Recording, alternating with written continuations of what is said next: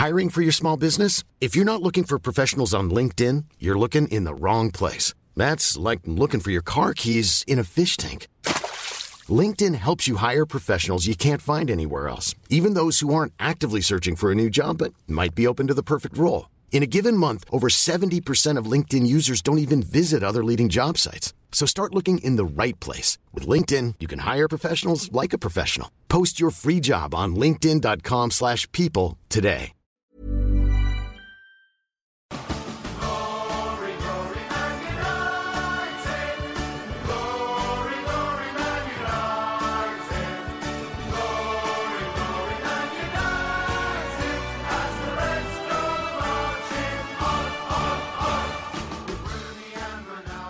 Halo pendengar ganteng-ganteng Manchester United, balik lagi bersama kita bertiga. Dan pada episode kali ini kalau boleh jujur mungkin ada satu episode yang mungkin pengen banget di skip baik yang udah pernah kita lakukan atau yang mungkin akan pernah kita lakukan ini adalah mungkin yang bisa dibilang uh, cukup bisa ingin dilupakan ya gitu kan. Dan ini berkaca pada pertandingan dua hari yang lalu uh, ketika kita harus menelan kekalahan pil pahit 5-0 kalah melawan rival abadi ya menurut gue dan menurut gue dan menurut kita kita setuju kalau ini adalah sebuah humiliation gitu kan. Kita benar-benar dicacah bagai ya lapangan. Ya kita ibaratnya kayak Liverpool tuh sedang lakuin training aja di lawan MU gitu kan. Dan gue nggak mau kita juga nggak akan ngebahas terkait dengan uh, teknis gimana ya karena teman-teman tahu betapa buruknya sistem pertahanan tengah dan juga yang depan juga gitu kan. Tapi kita pengen bahas uh, gimana nih gitu kan uh, gonjang ganjing terkait dengan ada rencana untuk kemudian uh, transisi masa kepemimpinan oleh rezim yang baru gitu kan. Makanya ada konteks reformasi nih kita perlu galangkan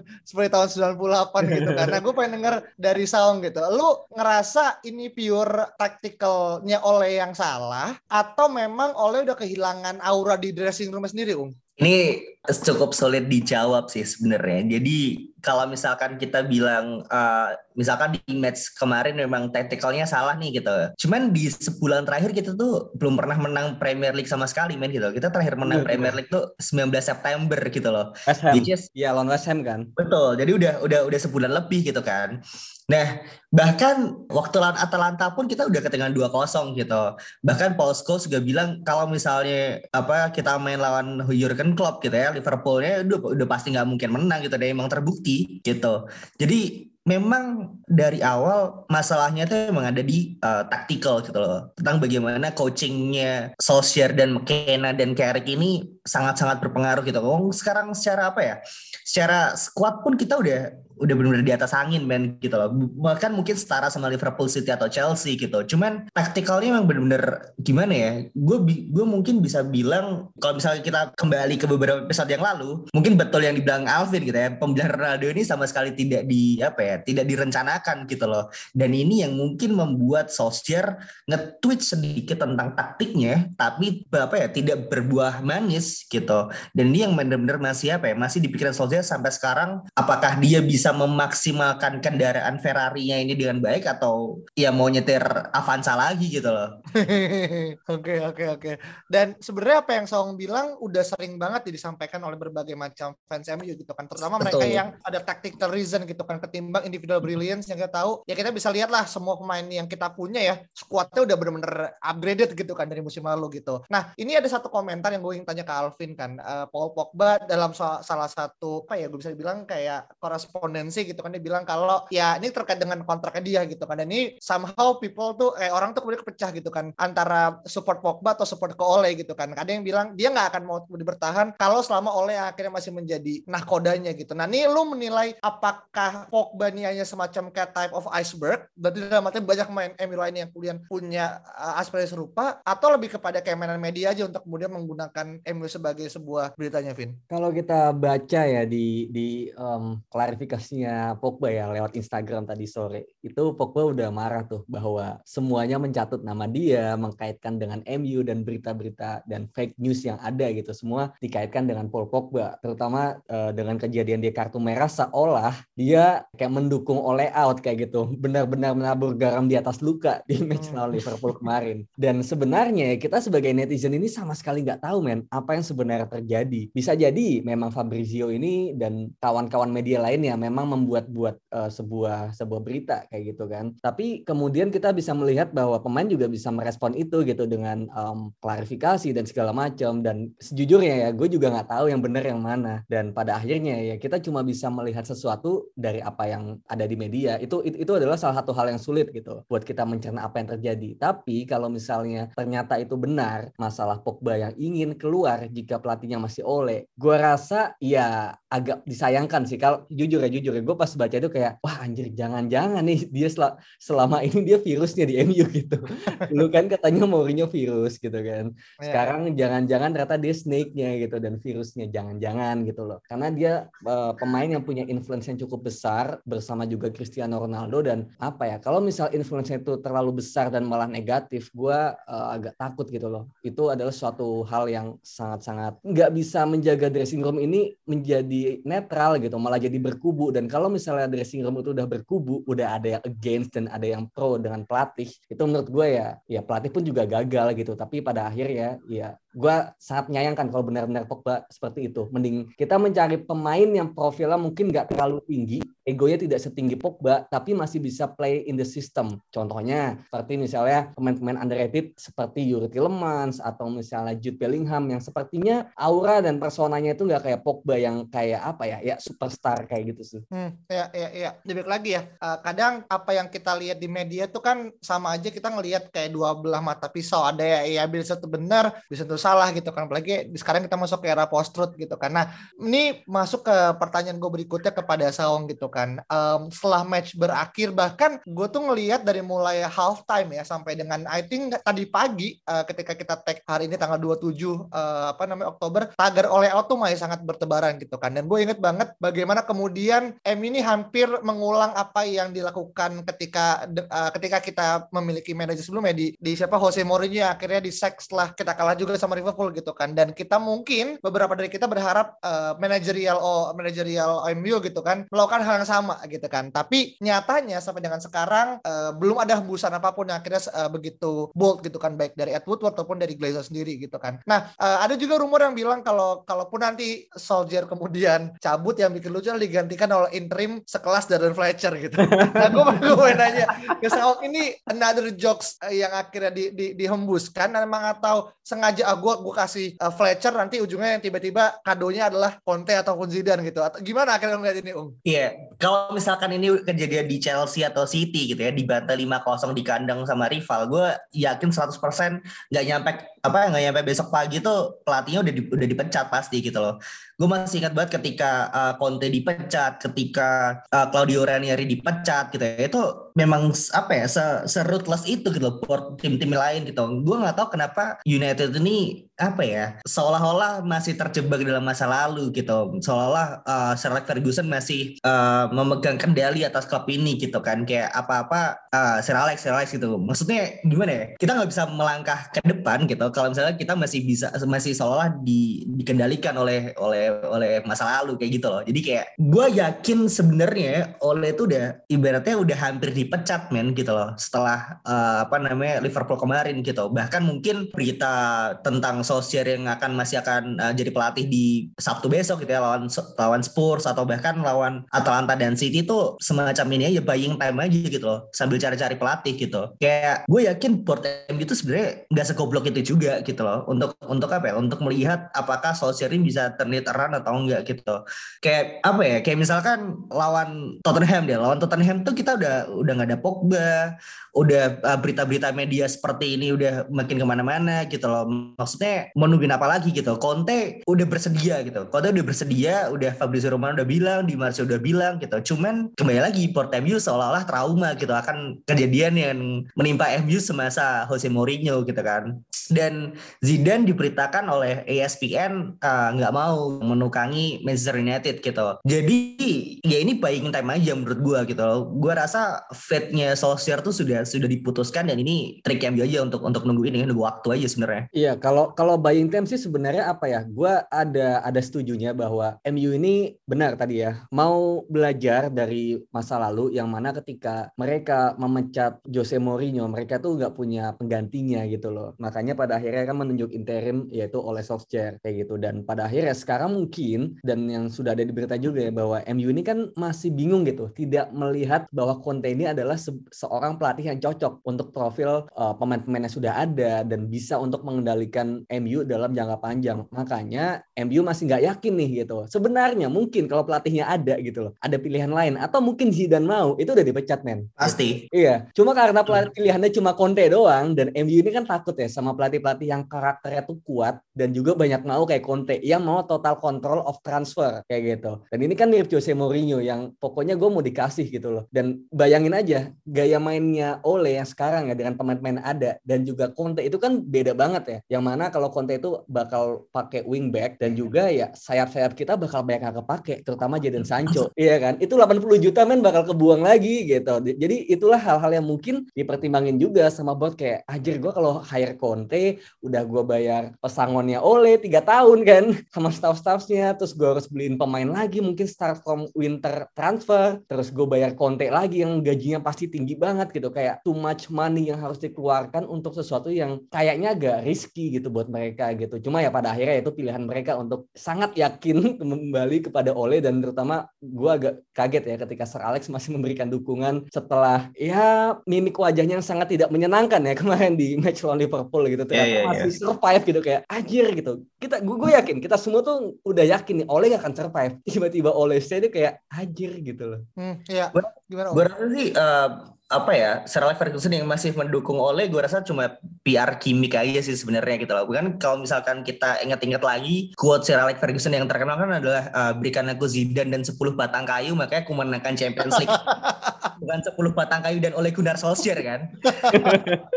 Makanya maksudnya gue bukan gue bukan oleh out juga gitu. Maksudnya uh, the least we can do is support the manager gitu. Maksudnya uh, apa ya? Ya itu itu itu yang bisa kita bisa sekarang gitu. Cuman memang gitu dengan posisi kondisi seperti sekarang gitu situasi United yang apa ya uh, di musim lalu kita di peringkat dua tentu saja ekspektasinya dengan mendatangkan Sancho, Ronaldo dan Varane itu ya menang liga gitu loh. Tapi sekarang kita udah ketinggalan berapa poin gitu dengan peringkat satu kan which is which is very very embarrassing gitu for us gitu. Jadi kayak mau mau gimana lagi gitu? Apakah kalian yakin gitu musim ini gini apabila Solskjaer masih diberi kesempatan sampai saat sampai musim berakhir gitu ya? Top 4 masih bisa nggak kira-kira?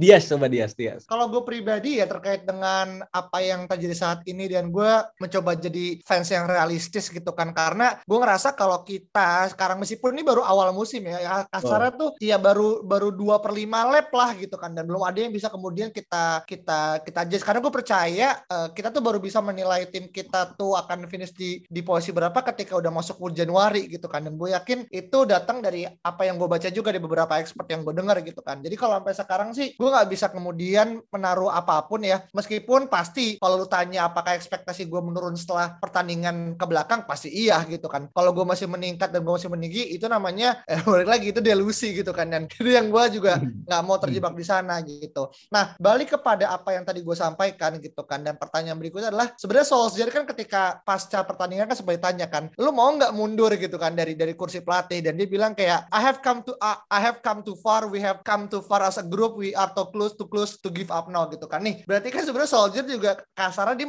enggan nih untuk kemudian melepaskan statusnya dia gitu kan. Karena dia ngerasa kalau dia sekarang lepasin statusnya dia ya gue gue bisa kemudian memiliki prediksi ke depan dia nggak akan mendapat chance lagi gitu kan. Dan apakah lu menilai ini sebuah hal yang bagus karena Soldier kemudian ingin mempertahankan dan ingin kemudian memberikan giving the best mengingat board juga masih menaruh harap sama dia atau simply just another apa ya cara dia untuk kemudian nggak? Dia nggak punya jawaban lain dan ya ini yang bisa disampaikan Vin. Ya mungkin yang terakhir yang lo bilang gitu kalau sama apa ya? Karena dia kan sangat bagus ya komunikasinya PR-nya dan bermain kata-kata selama ini. Dia nggak pernah menyerang pemain gitu menyerang pemain di media dia nggak pernah. Dia malah lebih ke melindungi pemain gitu. Dan kalimat-kalimatnya kayak mountain to climb gitu gitu kan kayak ya, ya. apa permain-permainan metafora seperti itu dia sudah udah udah sangat pintar gitu. Jadi menurut gua kalimat-kalimat kayak kemarin itu ya somehow just another day at the office aja gitu.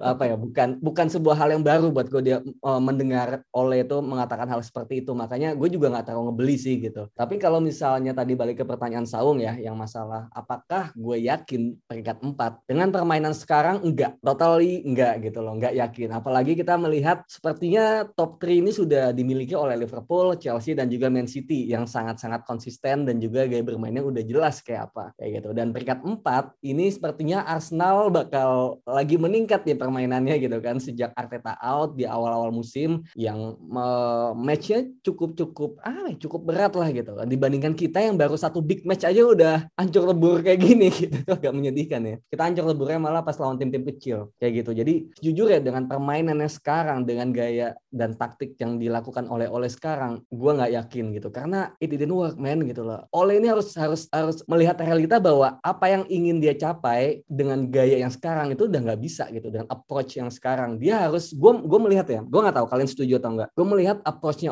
ini di musim ini dan musim lalu itu beda. Musim ini somehow dia garisnya lebih tinggi lebih maju dan lebih ambil resiko gitu. Tapi siap pertahanannya itu tidak terstruktur dengan rapi. Mau main high pressing tapi nggak melatih pressing dengan serius gitu. Kemarin ada beritanya kan gue nggak tahu itu benar atau enggak tapi katanya pelatih ingin kita pressing tapi kita nggak latihan banyak pressing. Itu itu gue nggak paham tuh kalau itu beneran terjadi gitu.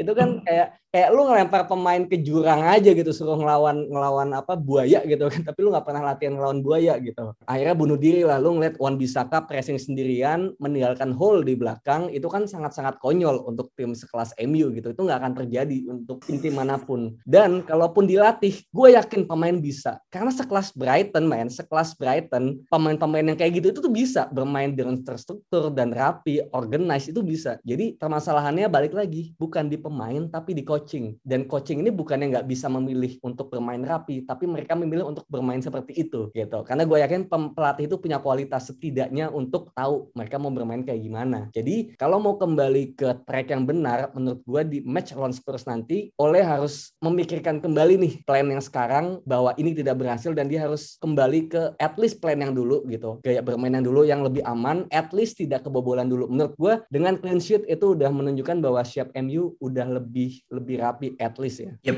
Hmm, Dan iya. selain itu satu hal lagi sih yang yang jelas buat Ketara adalah favoritism men. Iya betul. Favorit Ole itu ngeri-ngeri sedap gitu loh bro. Bahkan uh, gue sempat baca uh, ada quotes yang bilang Bailey itu sempat nantangin Ole gitu loh. Kayak lo ngapain masang CB yang nggak fit gitu loh? Lo punya gua lo punya even Phil Jones gitu kan? Ya mainin dong gitu loh. Maksudnya Maguire dan Shaw ini udah udah beneran jadi hantu masa lalu mereka yeah. di Euro gitu loh. Emang bener-bener beda banget men cara permainannya gitu loh. Yeah. kalau misalnya kita pengen lihat apakah Solskjaer bener-bener belajar dari pengalaman itu lo lihat aja line upnya besok lawan Spurs. Apakah Maguire sama Shaw tetap main atau enggak kalau masih main ya berarti dia nggak belajar. Simple as that man gitu loh. Belum lagi masalah Van de Beek gitu kan belum lagi masalah Teles, masalah front apa Sancho segala macam. Greenwood juga dimainin mulu. Even Greenwood gitu loh. Sancho tuh musim lalu gila men outputnya. Sekarang 11 pertandingan no goal no assist bro. Gimana tuh coba? Maksudnya apa apa, apa yang dilakukan di Carrington gitu loh. Uh, Solskjaer ngapain gitu? Apa apa yang apa yang dia dia kasih tahu di sana? Carrick ngapain gitu? McKenna ngapain di sana? Eric Ramsey ngapain di sana gitu loh. Even Mike Phelan tuh ngapain di sana men gitu loh. Kayak kalau misalnya lo pengen play ya udah by vibes-nya vibes udah gak enak bro. Gitu loh.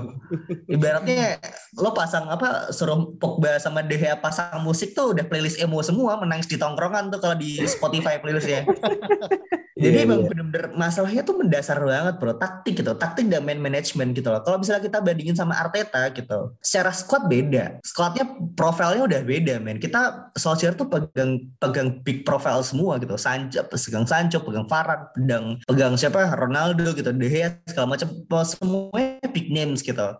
Gue nggak ingin menghasilkan Arsenal, cuman Arteta lebih punya apa ya, lebih punya chance bahwa uh, pemainnya udah mulai, ya udah mau berharap sama siapa lagi gitu. Pelatihnya ini kayaknya nggak mungkin dipecat sih. Jadi kayak ya udahlah main aja sama dia gitu. Dengan profil-profil seperti dia seperti Arsenal ya gue yakin mainnya akan jauh lebih lepas gitu. Dan hal, -hal ini terlihat dengan uh, apa ya tim-tim yang yang mungkin di atas kertas mediocre gitu. Macam Aston Villa macam Brighton macam Brentford itu mainnya jauh lebih bagus ya dari MU bro. Karena apa? Karena semua main dengan plan manager gitu loh. Dengan taktik yang emang udah udah sesuai dengan apa yang dimiliki oleh squad mereka gitu. Dan ini yang ini mendasar banget masalah Ole sebenarnya gitu loh. Jadi kalau misalnya Ole nggak bisa menggunakan squad ini ya ya mau gimana lagi gitu. It's it's it's the end I think gitu. Ya, dan ini ini ya mungkin salah satu part yang bisa kita diskusikan untuk uh, jangka ke depannya gitu kan. At least kita punya uh, dua sorry tiga big match lagi dalam kurun waktu dua minggu gitu kan. Dan ini mengutip dari Sun Football dia bilang Solskjaer has two games to save Man United job says player gitu kan. Berarti ya ini gue atur rumor apa enggak ya gitu kan. Tapi ini datang dari The Suns gitu kan. Dan kita masih punya Tottenham, Atalanta, and then um, Manchester City gitu. Nah, kalau misalkan gue boleh nanya ke Alvin gitu kan kayak what would be apa ya the change gitu kan Vin yang lu ngerasa ya ini adalah waktu terakhirnya oleh untuk kemudian make the last ditch attempt gitu dan apa yang kemudian lu bisa baca dan kira-kira apa yang yang bisa ngebuat Solskjaer tuh masih punya nafas untuk lebih panjang lagi di at sampai dengan winter break kayak gitu Vin. Iya, sebenarnya tadi gue udah udah terjawab sih sama yang gue bilang ya di pertanyaan Saung sebelumnya gitu. Kalau kalau oleh mampu untuk lebih fleksibel dan mengubah sedikit strategi untuk agak lebih rapih lah ya gitu kan. Nggak usah terlalu pressing. Seperti musim lalu kan MU nggak terlalu pressing kan gitu. Gue juga nggak paham ya kemarin pas lawan Liverpool, lawannya Liverpool men, itu kayak empat dua empat di depan gitu. Maksudnya apa kayak gitu? Lu bunuh diri. Itu tuh gue bingung gitu loh. Kenapa harus dicoba pas melawan Liverpool kayak gitu? Bruno ini udah kayak penyerang kemarin, bukan uh, bukan kayak playmaker lagi. Dan itu kan berbeda kayak musim lalu gitu. Musim ini benar-benar ada sesuatu gue yakin yang diubah pendekatannya oleh Ole yang uh, gue udah pernah bilang ya kayak Ole ini ingin supaya bola ini makin cepat untuk ke depan dan meningkatkan kemungkinan untuk mencetak gol gitu loh. Masalahnya Ole tidak melihat proses-proses itu gimana caranya bisa nyampe ke depan. Pokoknya gue nggak mau tahu bola nyampe ke depan gitu. Kayak gitu kan. Nah itu ada proses-proses dan detail-detail yang terlewat oleh dia gitu loh. Dan pada akhirnya mengorbankan lini belakang dan juga lini tengah yang sangat terekspos kayak gitu. Dan kalau misalnya Ole mau refleksi dan gue juga gak, gak yakin ya apakah bisa oleh refleksi itu dan mengubah dalam jangka waktu satu minggu satu minggu men padahal kita udah punya tiga international break dan itu tidak tidak diubah sama sekali gitu loh jadi sejujurnya ya gue agak agak pesimis sih bahwa itu akan berubah di match lawan Tottenham nanti gitu. Kecuali memang dari segi moral tiba-tiba emang naik gitu. Karena misalnya Sir Alex kan kemarin katanya udah datang tuh ke Carrington untuk ikut melihat latihan. Mungkin digampol-gampolin tuh pemain-pemain kan gitu. Jadi ya mungkin ada sedikit kenaikan moral gitu kan. Mungkin gitu kan. Dan dan gue nggak tahu sih untuk masalah result kayak gimana. Tapi kalau misalnya ternyata tidak ada pendekatan yang diubah gue masih nggak yakin bahwa tiga match itu akan selamat terutama di match lawan City dan juga Spurs apalagi City sih. Atalanta mungkin karena permainannya mirip Leeds ya yang itu antitesis dari permainan kita mungkin masih bisa meskipun struggle. Tapi kalau Spurs sama City defensively uh, ya nggak ada harapan sih menurut gue. Oke, okay. dan mungkin terakhir ke Saung kali, gue mau nanya Ung, kalau lo boleh milih, apakah lo lebih milih untuk kita kalah beruntun gitu kan, tapi oleh akhirnya ganti, atau lo akhirnya lebih milih kemudian udah nggak apa-apa kita dukung klub, dukung manajer gitu kan, iya kita, kita pengen masih terus kemudian ngejar ketertinggalan. Lo kira-kira kalau top dua itu kira-kira untuk next three match akan milih, milih yang mana Ung? Ya kalau berharap MU kalah sih udah jelas bukan fans ya gitu loh. Maksudnya gue udah udah ngefans United mungkin dari kecil gitu. Gue survive zaman Moyes survive zaman Louis van Gaal Ryan Giggs even gitu dan Jose Mourinho dan sekarang uh, Ole gitu. Mungkin yang berbeda dari uh, apa ya dari manajemen sebelumnya adalah permainan mereka mungkin ampas gitu ya sesuai sesuai standar kita ya, gitu ya yang membandingkan dengan permainan Ferguson sebelumnya gitu. Tapi mereka memberikan gelar gitu kan dengan squad yang gua rasa seadanya gitu loh. Nah, bedanya dengan Ole sekarang adalah squadnya tuh sangat-sangat mewah. Tapi kenapa sulit banget ini gue ini udah udah musim ketiga hampir keempat gitu dan simpelnya adalah gue tentu berharap MU menang gitu. Cuman simpelnya adalah bagaimana uh, approach oleh terhadap match berikutnya gitu loh. Sama sama seperti yang Alvin bilang gitu, approach gitu. Kalau misalnya kita masih melihat pemain yang sama gitu di apa di squad Liverpool untuk lawan Spurs besok ya sama aja gue rasa gitu. Oleh nggak nggak belajar banyak dari pengalamannya gitu. Squad apa starting eleven lawan Liverpool kemarin itu sama persis sama starting eleven waktu lawan Atalanta kalah 2-0 men gitu loh. Iya, iya. Jadi apa gitu? Apa, apa yang membedakan gitu loh. Bahkan Cavani nggak main, Lingard nggak main. Pemain-pemain yang menjadi pembeda tuh nggak jadi starter bro. Maksudnya uh, kita bisa lihat bagaimana, oke okay, mungkin uh, banyak orang yang bilang, oh Ronaldo, Ronaldo pressing banget kok gitu. Ada kok videonya segala macam. Tapi di di suatu waktu Ronaldo memang nggak pressing gitu loh. Iya, iya. Dan dengan kekosongan ini gitu, which is tiga pemain di depan ini kan harus over pressing gitu loh, harus harus bergantian kan jaganya. Dan ini buat gue sejujurnya kasihan juga sama McTominay sama Fred gitu. Mereka sangat-sangat terekspos main di sini gitu. Bahkan kita kan tahu seberapa limit limited dua pemain ini kan sangat-sangat limited gitu loh. Tugasnya kebanyakan overall. Betul. Betul gitu. Makanya kayak kayak Alvin bilang tadi musim lalu sangat sangat beda. Kenapa? Karena memang benar-benar dua pemain ini McTominay sama Fred itu benar-benar melindungi si back four-nya gitu Benar-benar mundur ke belakang, nggak nggak usah pressing banget deh. Tapi counter attack-nya memang memang jago saat itu MU gitu loh. Rashford, Bruno, uh, even siapa sih waktu itu di kanan Martial itu benar-benar apa ya? Semua outputnya bagus gitu. Dan ini yang ini ini ini yang nggak apa ya gak, gak ditemukan sekarang. Karena apa? Karena MU belajar untuk pressing tapi nggak dilatih dengan baik bro gitu. Gue benci banget kebobolan counter attack gitu. Karena itu senjata kita musim lalu bro. Gue gak lo lihat lima ke apa Liverpool kayak gitu semua. Lucu semua itu main golnya itu kayak akhir apa sih gue kayak itu shit shitty goal banget bro. Iya iya. Itu apa ya itu level akademi sih gitu. Bahkan bahkan banyak yang bilang Liverpool tuh kayak main di Melwood kayak di training groundnya mereka kayak buat belajar passing-passing aja gitu loh. Iya iya iya ya, benar benar benar. Gol-gol apa ya? Dasar banget itu tuh. Dasar itu textbooks banget bro gol-golnya. Itu ah, astagfirullahaladzim gue gak ngerti lagi deh. Gimana ya maksudnya ada yang bilang anjing MU kalah 5-0 kan karena 10 pemain gitu bangsat itu Pogba shut up. Skornya ada berapa bang? Kayak ada lima itu. Malah lebih bagus pas 10 pemain. Malah lebih bagus pas 10 pemain itu kan aneh. Itu kan aneh banget. Dan dan kalau lo lihat Chelsea itu bertahan 10 pemain itu skornya masih clean sheet bro lawan Liverpool di Anfield. Di Anfield lagi itu gila gak tuh tuh hell? Kok bisa kayak gitu pelatih kok bisa kayak gitu? Aneh banget kan dengan dengan squad yang gila gitu tapi bisa apa ya outcome-nya bisa seperti itu dan ini itulah kita lihatlah weekend ini apakah Ole belajar dari pengalamannya atau enggak. Simply lihat starting eleven aja lah.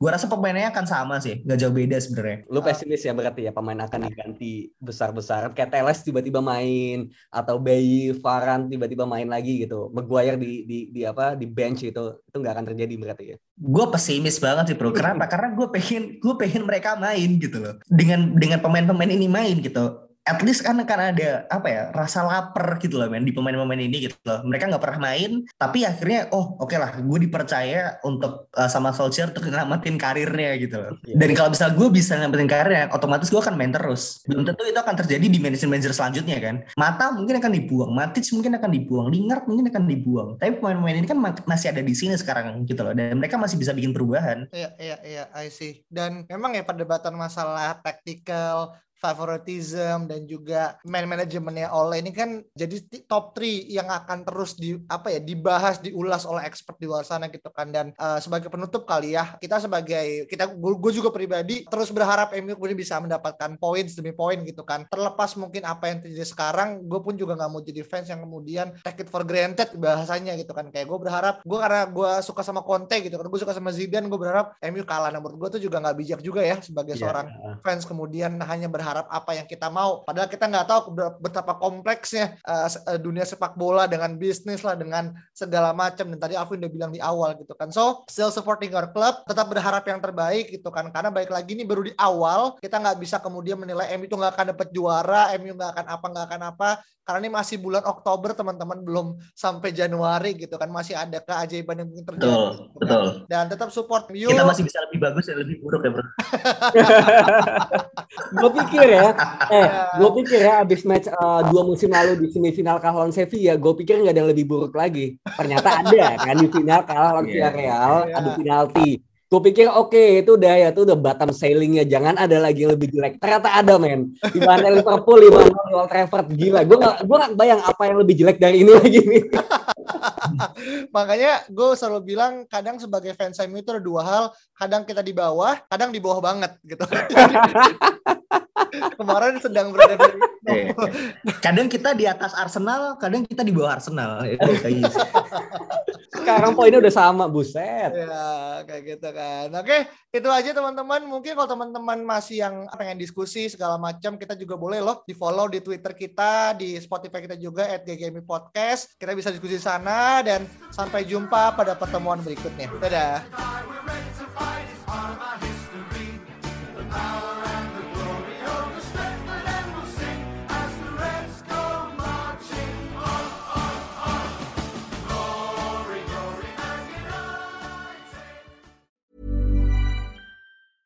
Okay, I have two new obsessions that I need to share with you. Impress No Glue Press On Manis and Impress Press On Falsies Lashes. Trust me, these are getting ready game changers. Both require no glue, so there is no damage to your natural nails and lashes, no mess, and no annoying dry times. Just one step and you're done. Boom. Instant glam. Visit impressbeauty.com slash presson and use code PRESSON25 at checkout for 25% off Impress Manicure and Press On Falsies.